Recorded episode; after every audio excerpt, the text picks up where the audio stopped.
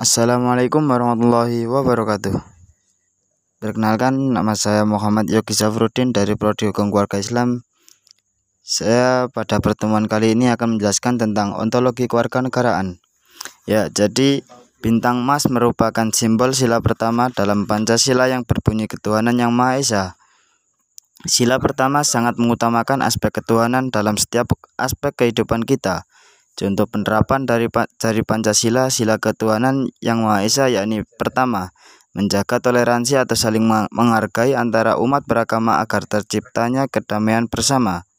Kedua, tidak memaksa seseorang untuk menganut agama tertentu karena sesuai Undang-Undang Dasar 1945 berhak memilih atau memeluk agama yang dihendaki.